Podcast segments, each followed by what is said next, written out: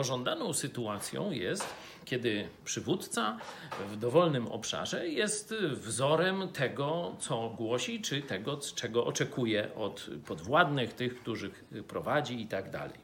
Przejdźmy na poziom polityki. Wielu mówi, żeby duchowni nie angażowali się w politykę, o czym mówiłem wczoraj.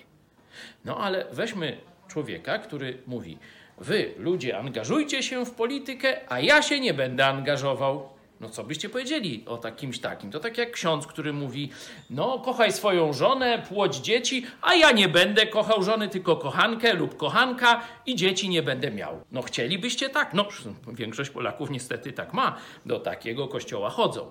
Ale w biblijnym kościele mamy się mądrze angażować w politykę, zarówno poszczególni chrześcijanie, jak też i przywódcy.